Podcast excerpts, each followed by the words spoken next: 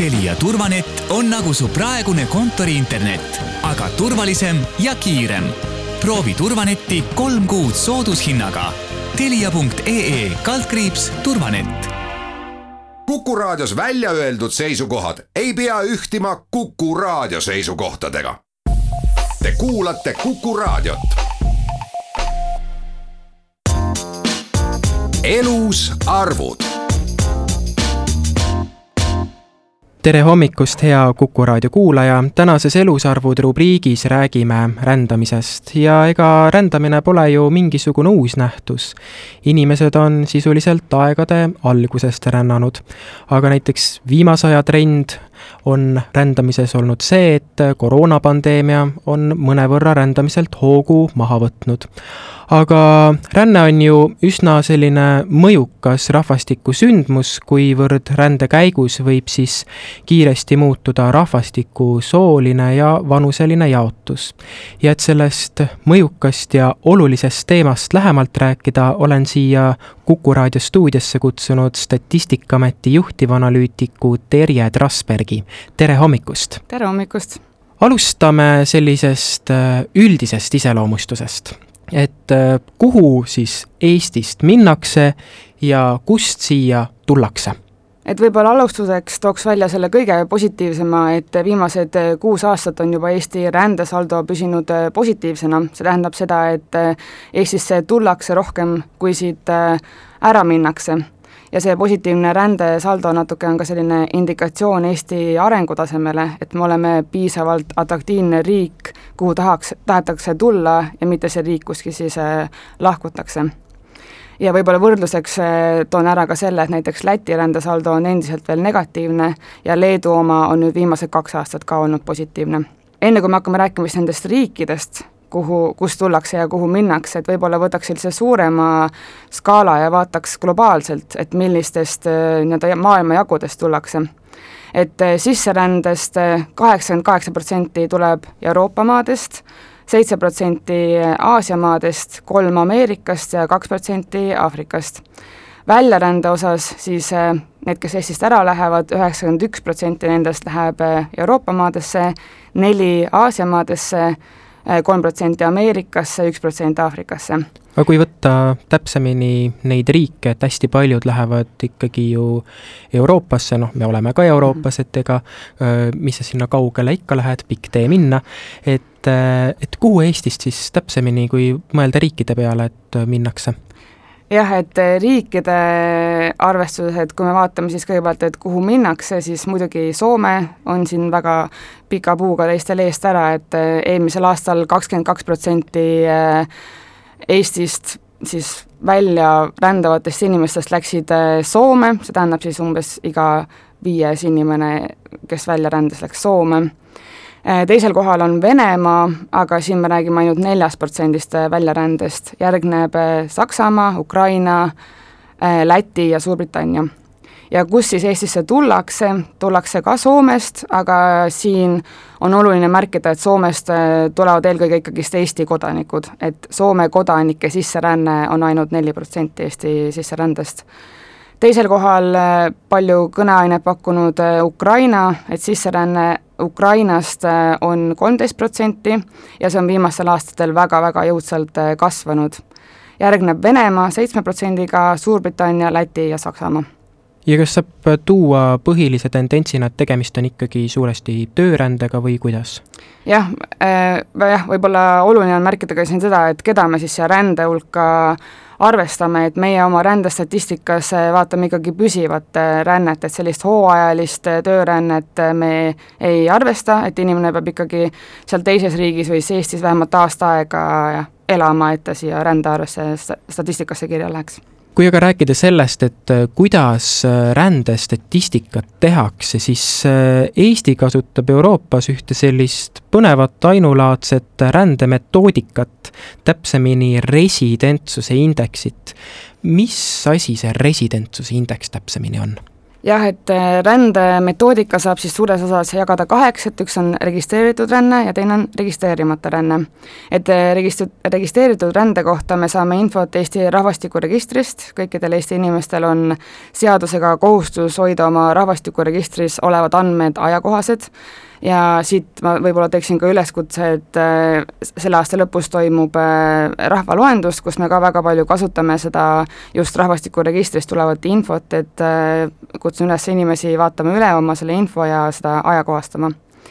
aga kuna me teame, et ilma mõjuva põhjuseta inimesed seda äh, infot seal ajakohasena ei hoia. Ja väga palju rännet, eriti kui siis minnakse näiteks Euroopa Liidu riikidesse, kus sul ei ole vaja ei eluluba ega ka tööluba, siis seda, see ränne jääb registreerimata. Ja selleks, et aru saada, et kes siis tõepoolest ikkagi Eestis elab ja kes on välja rännanud, siis me olemegi välja töötanud sellise metoodika nagu residentsuse indeks see tähendab seda, et me otsime läbi eh, umbes kakskümmend seitse erinevat registrit ja otsime inimeste kohta nii-öelda elumärke. et kui inimene elab Eestis, siis on väga tõenäoline, et ta ka mõnes nendes registris eh, kajastub. et näiteks eh, kas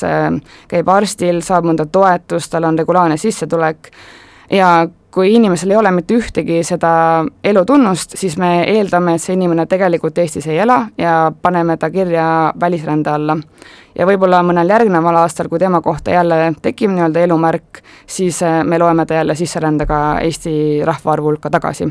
et see on siis lühidalt selline residentsuse indeks, et see on tõepoolest Eestis unikaalne, ükski teine riik seda sellisel kujul ei kasuta kui äh, mõelda nüüd viimastele trendidele, et siin on ikkagi olnud pikk koroonaperiood selja taga, selgitage, kuidas on koroonaviiruse pandeemia mõjutanud äh, rändamist? jah, võib-olla kõigepealt äh, mainiks ära selle, et noh, see huvi, et otsida sellist koroona mõju kõigist kaks tuhat kakskümmend aasta statistikast on väga arusaadav ja võib-olla majandusstatistikas ja turismistatistikas ta tõepoolest kohe nagu hakkab ka silma, aga ränne ja kõik ülejäänud rahvastikusündmused on ikkagi piisavalt sellised äh, staatiliselt ja aeglaselt muutuvad protsessid, et siin sellist äh, konkreetset nagu koroonamõju kohe ühe aasta statistika pealt välja tuua ei saa, selleks on meil vaja ka järgnevate aastate võib-olla statistikat, et sellest mõjust nagu täitsa aru saada aga kui siin tuua välja erinevuse eelmise aastaga, siis äh, nagu sa ise juba ka mainisid, tõepoolest see rändemaht äh, vähenes eelmisel aastal, et kui nad viimased viis aastat on see rändemaht ikkagi olnud sellises äh, tõusvas trendis, siis eelmine aasta eriti just sisseränne äh, vähenes nagu arvuliselt siis ja võib-olla veel mingid muudatused, mis eelmine aasta toimusid, et äh, Soome üle mitme aasta jälle läks Eestist rohkem inimesi, kui tagasi tuli. et viimased kolm aastat on see trend olnud äh, vastupidine, et äh, nii-öelda siis Eesti poole suunatud, et Soomest tullakse pigem tagasi, aga nüüd see koroona aasta nii-öelda tegime natukene pöörde tagasi aastasse kaks tuhat viisteist, kus jälle Eestis siis läks Soome rohkem, kui tagasi tuli kui aga analüüsida sellist siseriiklikku rännet, ränne ei pea ju olema alati kuhugi kaugele välismaale minek, ka riigi sees inimesed rändavad. et milliseid tendentse siin oli näha, et kui võttagi võrdluseks linnast maale, et mis nendest andmetest silma paistab? Ja tõepoolest, et sellest äh, väga palju siin meedia ka rääkis, et või spekuleeris sellel teemal, et äh, koroona-aasta pani eestlased äh, massiliselt maale kolima, et statistika ka näitab seda, et linnas tõepoolest väljaränne on iga aasta suurenenud, et see on selline trend, mis on olnud juba alates aastast kaks tuhat seitseteist, et koroona siin võib-olla mingit väga suurt muutust ei toonud.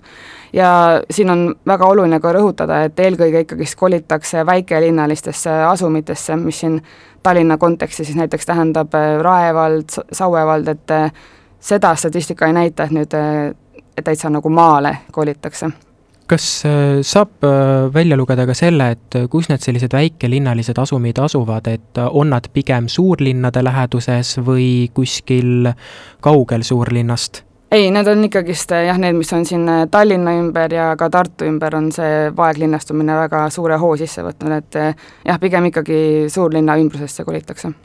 ränne on üsna selline mõjukas äh, rahvastikusündmus, siis äh, lõpetuseks, kui vaadata selliseid äh, viimase aja rändetrende,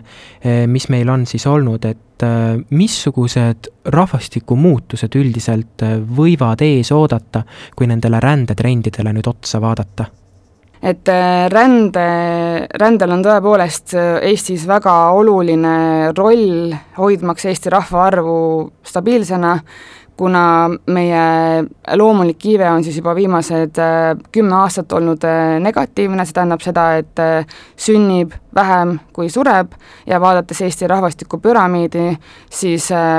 ei ole ka oodata, et siin mingit suurt muutust toimuks lähiaastatel, et siis tõepoolest see positiivne rändesaldo on see, mis hoiab Eesti rahvaarvu siis sellesse langustrendi nagu nii-öelda kukkumast, et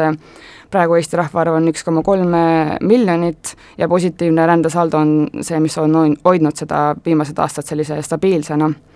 ja kui me räägime siis äh, rahvastiku nii-öelda vanusest, et siis äh, hetkel meil kõige suurem generatsioon on see kolmekümnendates ja kolmekümne kuni kolmekümne viie aastased inimesed, need on siis need laulva revolutsiooni lapsed, keda